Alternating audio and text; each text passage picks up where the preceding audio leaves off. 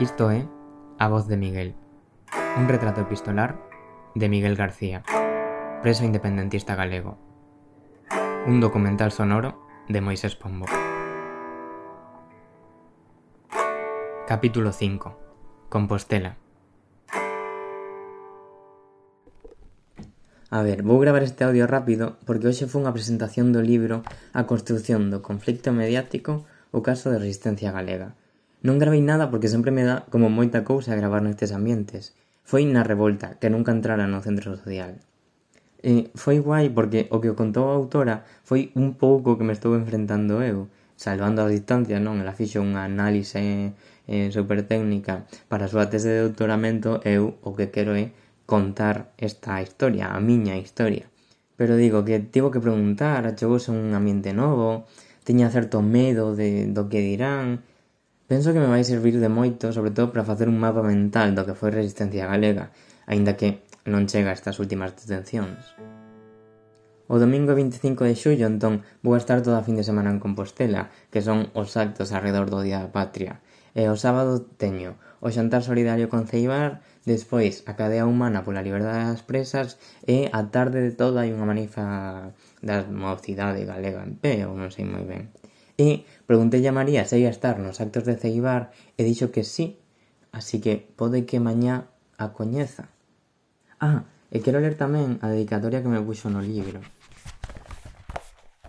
A Moisés, desexando que atopes neste libro algo de inspiración para o teu traballo.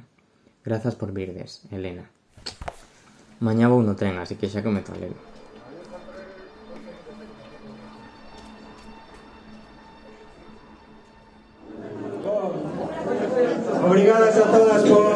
discutir hoxe eh, vamos facer o brinde eh, pola solución da, dos encausados na operación Faro encausadas eh, para iso vai falar eh, a expresa independentista Xiana Gómez aquí con nos, vale? Quero comenzar, bueno, eh, esta, este coloquio, por decirlo de unha maneira, Lembrando que tal día como hoxe fai eh, 16 anos, eu e máis meu compañero Xio estábamos ben perto aquí nos calabouzos da Policía Nacional que foi cando un pouco comezou o noso proceso represivo que, que durou anos e non fai moito aínda que o dimos eh, rematado entón este país, este movimento ten momentos eh, de moita euforia, outros eh, máis baixos. Eh, fai pouco viñamos de pasar a última último shock que foi a legalización das organizacións políticas que había neste país,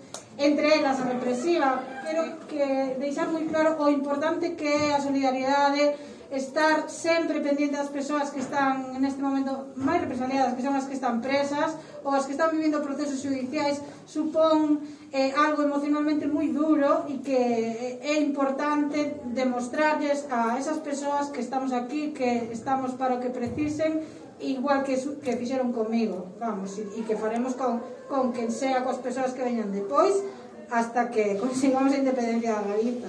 Depois de todos estes anos deste proceso onde vimos con estupor como pretendían eleganizar as nosas organizacións, ver por fin de, de alguma maneira esta victoria tan incrível tamén nos permite estar hoxe aquí coa, coa boca ben aberta tapadas por esta merda, pero bueno, eh, falando con liberdade, dicendo que estamos aquí, que non nos van calar, que non van a acabar con nós e que parabéns para as miñas compañeiras que a última victoria contra España hasta a victoria final. Así que viva Garita Ceide! Viva!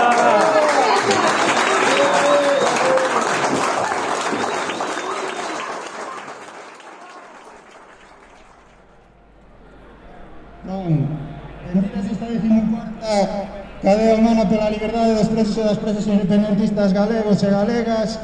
Eh, obrigadas a todas por, por virdes aquí a Compostela este Día da Patria, a esta convocatoria tradicional do, do organismo antipopular eh, represivo Teibán.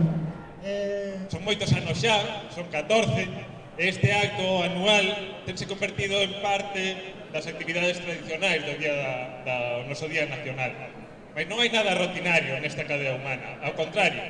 A desobediencia e até a mera formulación de críticas ten levado a tantas persoas ao banco de acusados nos últimos anos que é difícil facer a conta de todas elas. E iso provoca cada vez máis autocensura, cada día máis inhibición, cada día máis paz social.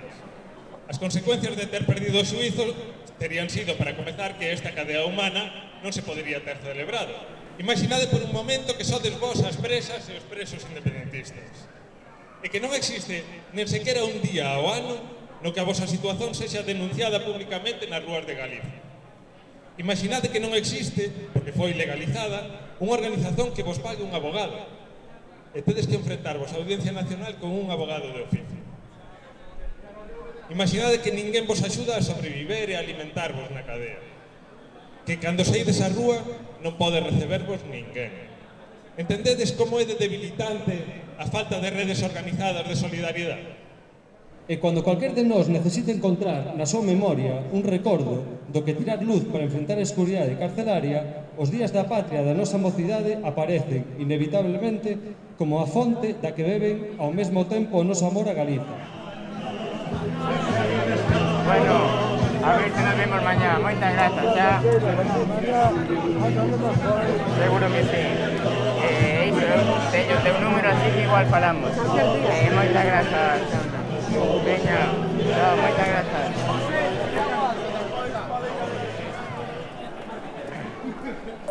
Eu chego cinco minutos tarde que vou da, da cadea humana polas presas.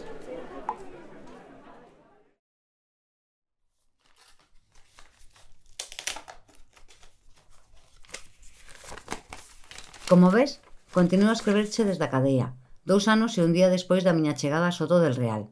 A Audiencia Nacional prorrogou a miña prisión preventiva, inventando descaradamente que a resistencia galega está plenamente activa e que eu teño a posibilidade de fuxir a varios países. Un despropósito que volve por en evidencia o que é a justicia española, especialmente a Audiencia Nacional. Que pasaría se agora, xa non digo que saia inocente, pero por exemplo, saia inocente ou condenanlle a dous anos. Hmm. Como, como deixa iso? En que situación situación deixa iso, Miguel? Eh, pois pues mira, agora mesmo deus un caso hmm. de un que o meteron preso, o sea, eh, era un tipo que estaba na política, pero meteron un preso por un tema, bueno, pues de desfalco, rollos de hacienda, non me lembro exactamente a historia. E el tiña moi claro que non que era inocente e que o que lle estaban facendo era unha xogada por cuestións políticas. E despois desa sentencia gañaron algunha cousa destas que, que xa queda aí como norma para os seguintes casos, o sea, por día que pasas no cárcere que non debeses estar, pois hai como unha indemnización, non sei, de 50 euros ou unha cousa así, non lembro exactamente. exactamente. Sí, bueno, pero non é nada exagerado, non é? Sí, non é nada tal. Como ben dices, ter preso a alguén que xuridicamente é unha persoa inocente é algo extremadamente grave, que a propia lei indica que só debe decretarse de forma extraordinaria cando for a única maneira de evitar tres cousas moi concretas. A reiteración delitiva, a destrucción de probas ou a fusida do imputado. Olla se lles importa pouco atender as circunstancias concretas da persoa e motivar razoadamente a decisión, algo que tamén a lei exixe, que no noso caso o auto que prorroga a prisión é un copy-paste idéntico para os catros compañeiros, nalgún caso sen sequer mudar o nome pero a nosa último que vai facer o Estado é indemnizar. Collerán e dirán, bueno, levas dous anos e medio, pues te condeno a tres, sabes? Pero, pero non nos van dar unha indemnización, vamos, ni, ni de coña, non? Sí. bueno, a verdade é que sería por parte nos Isto Bueno. Esto, esto que te digo destas indemnizacións son unha cousa moi recente. Eh? Pois Ana Rodríguez, que é unha rapaza que estivo presa xa fai anos, xa está presa pois, entre o 2005 e o 2008, mm. pois ela cumpliu como seis meses máis ou así de o sea, levaba máis tempo en preventiva do que do que lle caeu despois. Entón, bueno, pois saiu fora e xa. Nas túas cartas disme que non tes moita información sobre o meu caso, mas tampouco me preguntas directamente. Non teñas problema en preguntarme o que queiras saber. A Resistencia Galega foi un movimento de sabotaxes armadas activo entre 2002 e 2014 aproximadamente. Foron accións incendiarias e con bomba contra a banca, a especulación urbanística, a destrucción do territorio ou os partidos políticos españois, que o independentismo apoiou como forma de empoderamento dos movimentos sociais. Para nós non foi terrorismo, pois a temoroxía ao sentido común e a propia lei dicen que terrorista só é aquela violencia de gran intensidade que persigue aterrorizar terrorizar a poboación, porén As accións da resistencia galega foron sempre sabotaxes materiais. Para España, cualquier violencia política que a cuestione é terrorismo e a partir de 2012 comezou a castigar con penas salvases os activistas da resistencia. Un dos meus compañeiros de módulo, Eduardo Vigo, ten unha condea de 14 anos sen que a sentenza lle atribúa ter provocado un só dano, nen persoal nen material. No meu caso, acúsame de axudar a que dous activistas en busca captura permanecesen na clandestinidade. Aínda que a última acción armada foi en 2014, Estes guerrilleiros non foran detidos e vivían agochados nunha casa no monte. A min e a outro compañeiro acúsanos de axudalos a sobrevivir, enviándolles diñeiro e cartas das súas familias. É algo do que me sinto orgulloso e que recoñecerei ante o tribunal, asumindo a pena con que España quera castigar o compromiso e a solidaridade. Asombroume moito que o recoñecer así tal cual, e contarei non do tribunal. Teño que rachar co medo a preguntar. E tamén parece injustísimo que poidas manter a xente na cadea, en preventiva, máis de dous anos, como el di cun copy-paste. De feito, a miña carta comeza. Pésame o que me contas. Non contaba con empatizar de tal xeito. Estabas preparado cando exercías a solidariedade para a represión? Estás preparado en algún momento para entrar na cadea? Son un defensor de organizarse. Encantaríame coñecer máis sobre o que verdadeiramente foi resistencia galega. Pero dame medo.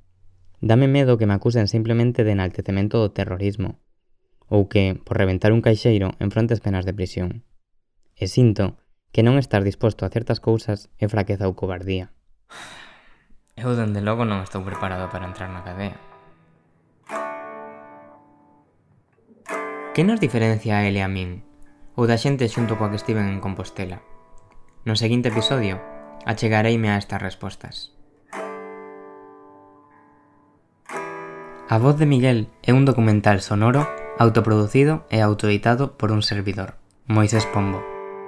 Podes atopar máis información, contidos e as transcripcións ao castelán en cartasacadea.gal.